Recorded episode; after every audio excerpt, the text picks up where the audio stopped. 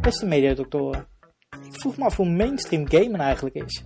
Er zijn allerlei statistieken die het stereotype ontkrachten, maar toch lijkt er een tegenstelling te zijn tussen casual games en hardcore games. Is het niet tijd dat we het medium als meer zien dan puzzelspelletjes of gewelddadige shooters? Vanuit Amsterdam is dit Onder Media Doctoren, de podcast waarin communicatiewetenschappers zich verwonderen over de media.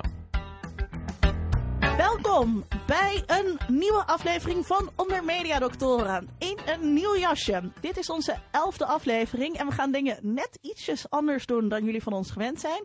We hebben bijvoorbeeld een studiogast. Bij ons in de studio zit David Nieborg, journalist, consultant, spreker, maar bovenal onderzoeker. David promoveerde in 2011 op een proefschrift over de politieke economie van de blockbuster game. Welkom David.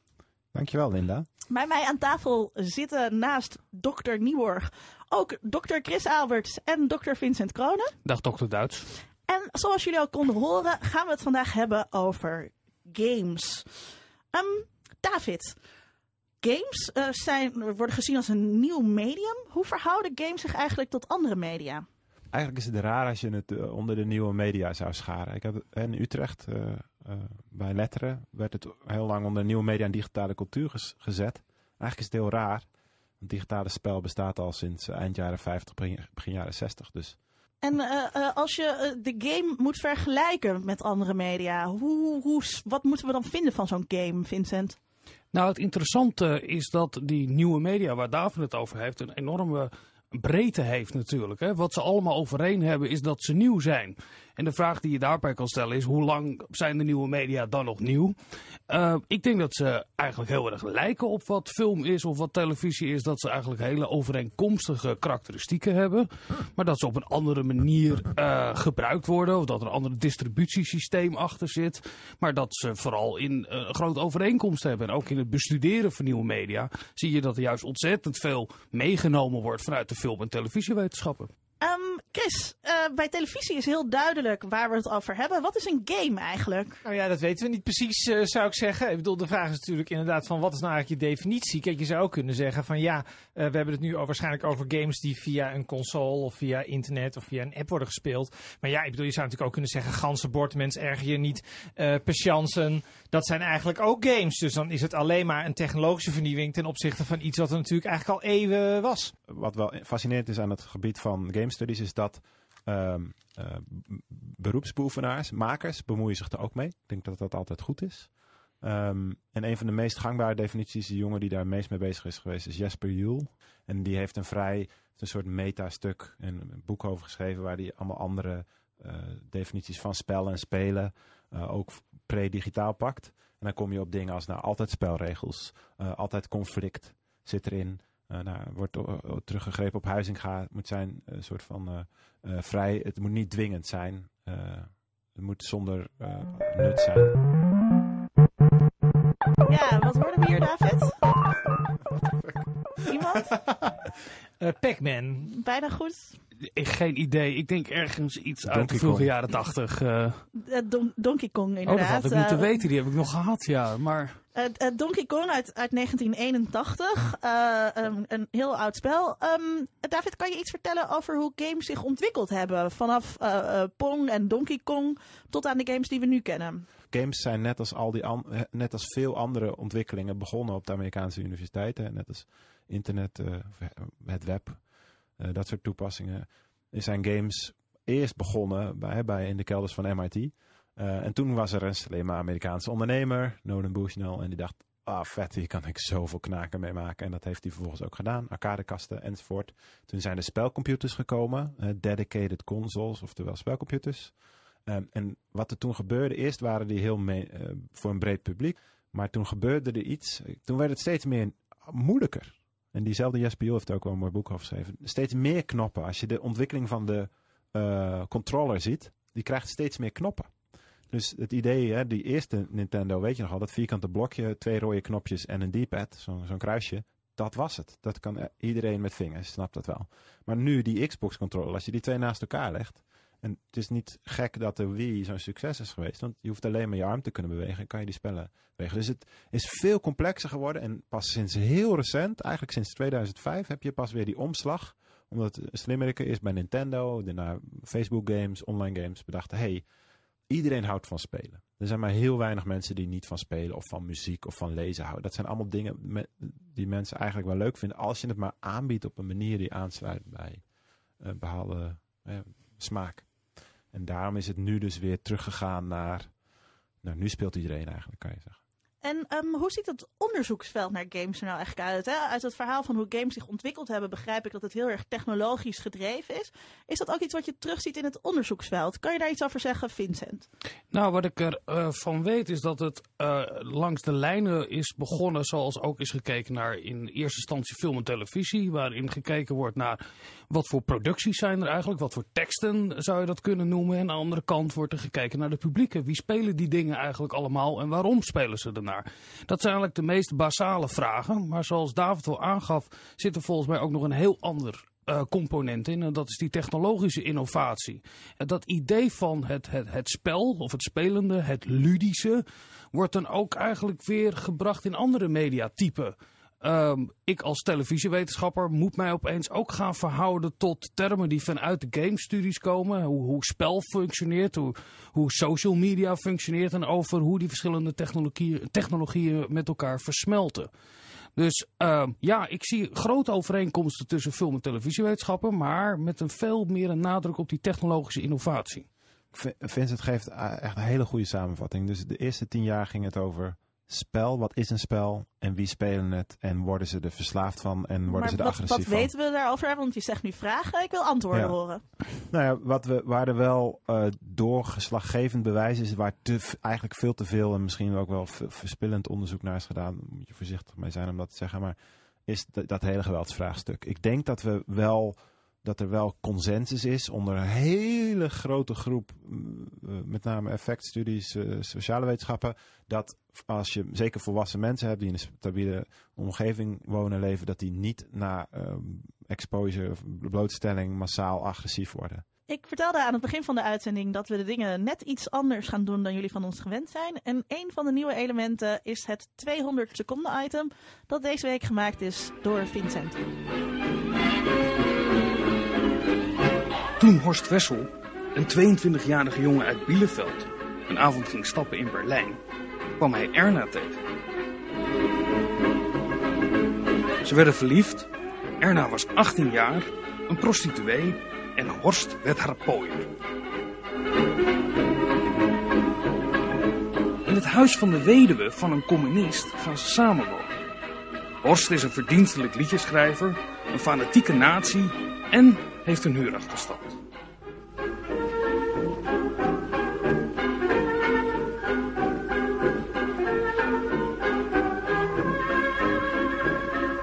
Het is 14 januari 1930 en er wordt aan de deur geklopt. Horst doet open.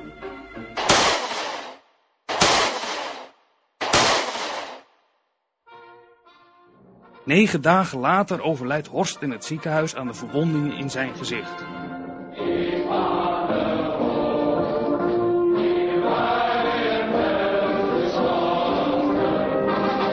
Communist, een kameraad van de overleden echtgenoot van de huiseigenaresse wordt opgepakt, veroordeeld en doodgeschoten. Horst Wessel, martelaar van de nazi's.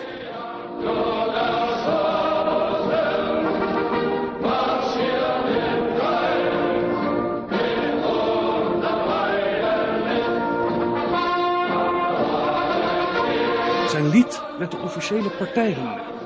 Zijn woorden worden gezongen in de lange marsen door Duitsland. Het vaandel hoog, de rijen hecht gesloten. SA marcheert met rustige vaste tred.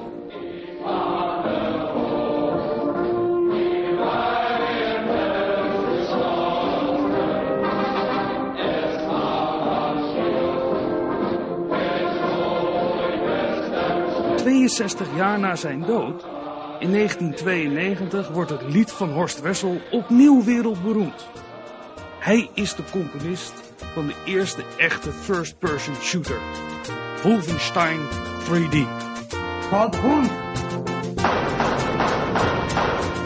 Eva, happy to them.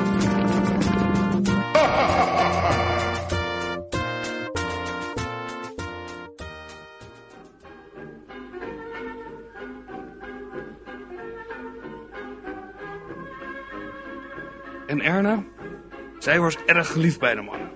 Zelfs zo dat wordt gezegd dat het geen communist was die Horst vermoordde, maar de jaloerse andere minnaar van Erna.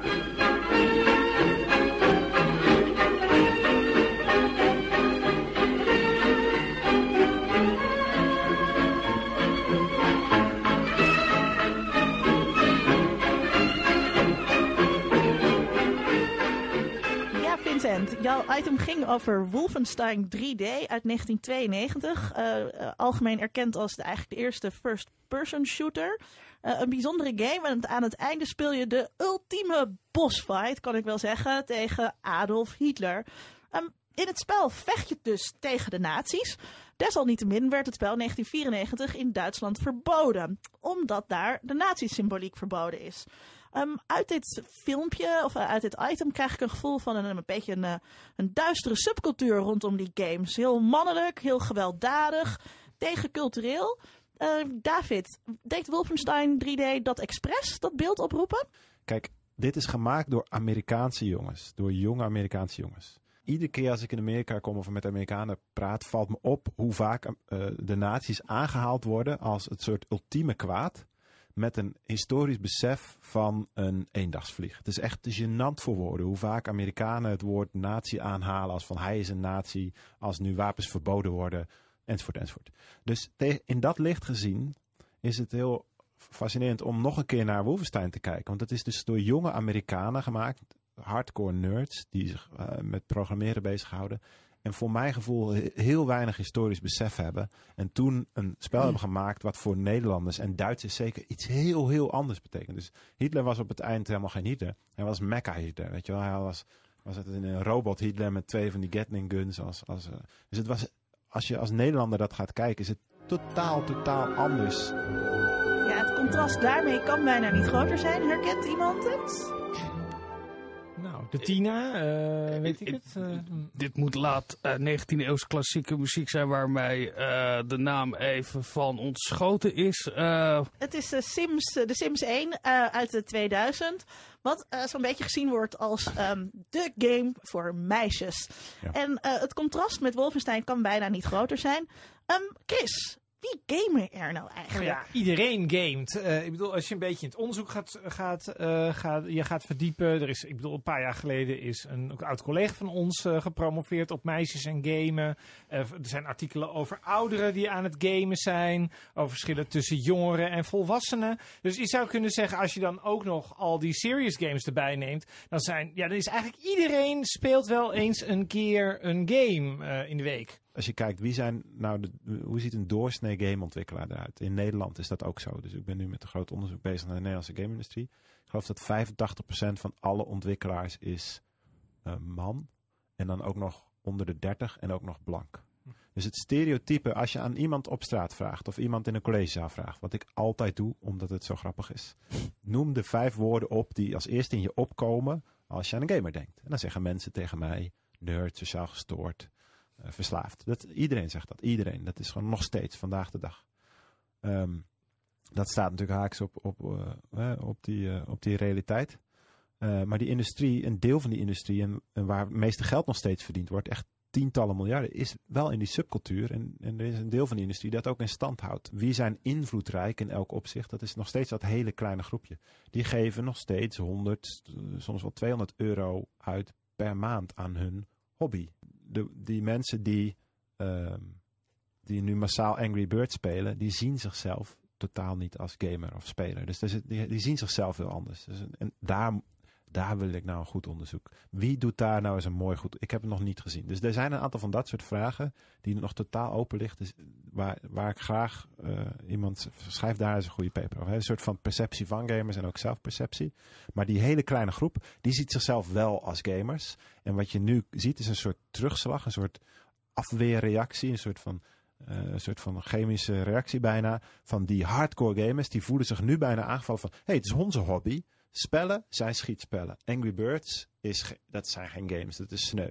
Dus die, die groep voor wie het zo belangrijk is, ook voor hun identiteit, die begint zich nu af te zetten. En een groot deel van die groep maakt ook games. Dus je, je krijgt een wereld, dat is wel, wel grappig om te zien nu, waarin journalisten, of je mag, die, die noemen zichzelf nooit gamejournalisten, die zijn een beetje allergisch voor dat woord, maar gamecritici en, en, en mensen die erover nadenken, die beginnen zich steeds meer af te zetten tegen dat mainstream idee, omdat het wordt hun uit de handen genomen. Iedereen doet het nu en wat zij doen is een soort van puurder en belangrijker. Er is een hele tak en die heet Serious Games, waarmee toch iets anders bedoeld wordt dan Wolfenstein en The Sims of Donkey Kong. Chris, jij hebt een interview gehouden. Wie heb je gesproken? Eh, ik heb gesproken met Alice Bartolomees en zij, is, eh, zij noemt zichzelf game thinker. En misschien is het makkelijker om te zeggen, eh, ze is een soort consultant die nadenkt over wat, voor wat voor soort, als er een probleem is, wij spreken in een organisatie, zou je daar nou ook games voor kunnen gebruiken? Ik ben eh gamethinker. Van origine ben ik ontwerper van eh, informatie eigenlijk. En door de jaren heen ben ik eh, gameontwerper geworden. En nu noem ik me gamethinker omdat ik vooral bruggen sla tussen degene die wil zoeken naar games en oplossingen en die ze kunnen maken. Nou, als, als bijvoorbeeld een patiëntenvereniging bij, bij ons komt om, met de vraag van we hebben een probleem en kan een game daartoe een oplossing zijn, dan gaan we eerst echt helemaal het probleem goed eh, eh, uit, uit elkaar trekken, omdat we erachter moeten komen waar zit het probleem precies. En vervolgens willen we ook eigenlijk eh, weten wie, wie zeg maar de speler gaat worden van het spel. En die willen we ook doorgronden om te weten van wanneer gaat hij spelen, welke behoeften heeft hij, hoe kunnen we daaraan voldoen. We zitten inderdaad op een piek. Nu is er ontzettend veel aandacht eh, voor gamen. En eh, iedereen eh, gelooft bijna in de heilige graal van gamen. Terwijl de discussie over de gevaren van gamen, geweld, verslaving enzovoorts ook aan de hand is. Nou, we weten eigenlijk al heel lang dat piloten leren vliegen met simulaties. Dat is eigenlijk een, een virtuele wereld waarin ze gezet worden om te leren vliegen. Ehm, dat is zover uit de hand gelopen dat mensen ook zonder vliegopleiding tegenwoordig een, vliegtuig bijna kunnen besturen. Omdat ze het game zo leuk vinden. Eh, en zo zijn er heel veel meer eh, toepassingen waarin eh, gespeeld wordt en geleerd wordt. Chirurgen leren ook eh, eh, via games heel veel. Dat, dat was eigenlijk ook al heel lang dat ze vroeger sneden ze op lijken. De, dan zou je kunnen zeggen dat een lijk ook een simulatie eh, was. En dat ze toen al aan het spelen waren, maar dat is wel heel cru gezegd. Maar het is natuurlijk heel belangrijk dat chirurgen goed leren, eh, leren snijden zonder het risico te lopen dat ze slachtoffers maken. Dus er zijn altijd heel veel eh, simulatiemachines ook gemaakt. En dat is allemaal steeds dichter bij eh, de werkelijkheid gekomen. En het is nu ook steeds speelser geworden. Dat ze nu ook, eh, voordat ze de operatiekamer ingaan, moeten ze eerst even een kwartiertje gamen. Om hun oog-handcoördinatie op te warmen. De kern daarvan, wa- wa- waar het allemaal over gaat, is dat ze, ze, ze spelen. En dus we maken verschillende producten voor al die verschillende partijen. Het spelenderwijs leven en leren en samen met elkaar communiceren, dat is wel eigenlijk de, de overlappende eh, kern daarvan. Oh, dat is bijvoorbeeld één goed voorbeeld ook dat er nu een, eh, een game is gemaakt voor chirurgen om laparoscopie te leren. Dus dat is eh, van buiten een lichaam in een lichaam opereren. Daar is een, een game van gemaakt wat ook als entertainmentproduct op de markt komt. En dat is ook wel heel grappig om te zien dat die niches op die manier gewoon eigenlijk ook totaal omgekeerd zijn. Dus eh, binnenkort komt die op de markt en dan kunnen we allemaal gaan leren hoe je de beste laparoscopie chirurg kan worden. Chris, jij hebt dit interview gehouden. Wat eh, viel jou op? Nou, wat me opviel is dat ehm, eigenlijk games opeens een leermiddel... Eigenlijk zijn het gewoon leermiddelen. Dus het gaat, ik bedoel, en een game is eigenlijk een, een manier om iets wat geleerd moet worden, eh, wat interessanter te laten klinken en wat sexier te maken. Dat is wat ik er vooral, wat ik er eigenlijk vooral van geleerd. Dus je zou dat ook kunnen leren door middel van een training of een boek. Maar dat is saai. En wat doe je dan? Dan maak je er een game van. Dus dan stop je een heel technologisch verhaal omheen. En dan is het opeens een stuk aantrekkelijker geworden. Maar als je het zo zegt, is dat toch niet erg? Nee, is ook niet erg, maar dat is inderdaad hoe ik, hoe ik eh, dat is ook niet zozeer een evaluatie. Dat is heel erg van hoe ik het heb opgevat. Ehm, aan het begin van de uitzending, David, zei jij eh, dat in de definitie van een game dat een game geen nut heeft. Eh, game is vrij van dwang in ieder geval, laat ik het zo zeggen. Dus je moet er... Maar als je als chi- chirurg voordat je gaat opereren eerst moet gaan gamen, dat lijkt mij toch tegenovergesteld Ja, ja, aan wat je net vertelde. En ook Ja. aan dwang. Ja, met name dat, dat dwangaspect. Dus als je moet gamen, dan, kan je, dan zijn er mensen die zeggen, ja, als het moet, dan is het niet meer spelen. Dan is het eh, nou, hè, werken of leren of iets anders. eh andere categorie, maar dan is het in ieder geval niet meer spelen, want spelen is vrij. Vincent, wat viel jou op aan het interview? Nou, wat mij opvalt is dat elke jonge wetenschap eh, moet zich altijd bewijzen. En zeker game studies, games zijn spellen, dat is ludisch. En als het een spel is, is het dus ook niet echt. En het is dus ook niet echt belangrijk. Hè? Het is maar een spel. Dat hebben we ook in onze taal. En wat je ziet bij, die, bij game studies en ook bij, bij dit soort mensen... is dat er gezocht wordt naar een nieuwe legitimatie van wat het eigenlijk is. Games zijn niet alleen maar eh, schieten of racen. We kunnen er ook mensenlevens mee redden, horen we nu. We kunnen er vliegtuigen door besturen. Eh, we kunnen naar organisaties als UNICEF gaan en dan allemaal een spel gaan spelen waarin we arme kindjes de eten gaan geven op je laptop. Eh, kortom, er wordt een enorme eh, claim gelegd vanuit de game. eh, wetenschap, maar ook vanuit de game-industrie, om ook een soort volwassenwording te krijgen. En dat zie je heel sterk. En dat loopt ook weer heel mooi parallel wat we ook hebben gezien bij televisie in de ontwikkeling. En daarvoor zagen we dat ook bij film. Film moest een, echt een kunstvorm worden. Hè? Dan hebben we in de jaren 50 en 60 hebben we daar mooie voorbeelden van gezien. Televisie beleef, beleeft een hoogtepunt op het moment dat het heel erg op complexe literatuur gaat lijken. Dan noemen we dat eh, eh, high quality television. En nu zien we in games ook weer dat er een soort, soort claim wordt gelegd om het belangrijker te maken. En dat hoor ik ook bij deze mevrouw. Want als we inderdaad uitgaat van die definitie die David eerder gaf, is dat een simulatie. In hoeverre is dat nog een spel? En inderdaad, jij gaf wel aan als er een een of andere chirurg ergens in de Verenigde Staten zit en online eh, mij gaat opereren, dan hoop ik toch niet dat het een soort dokter Bibber is die denkt: ik heb hierna nog twee levens. Nee, ik vind, eh, hij is een sterk punt. Je raakt hier een soort, eh, ehm, nou, geen open zenuw, maar dat zou een open zenuw moeten zijn. Want een groot deel van de gamewetenschappers hebben inderdaad een soort minderwaardigheidscomplex. Dat is waar. Ja, we zien dus dat games eh, volwassen aan het worden zijn. En daar zitten ook allerlei hiccups bij. Ehm, we zijn aan het einde van de uitzending. We geven antwoord op de vraag. Zijn games mainstream geworden? Chris?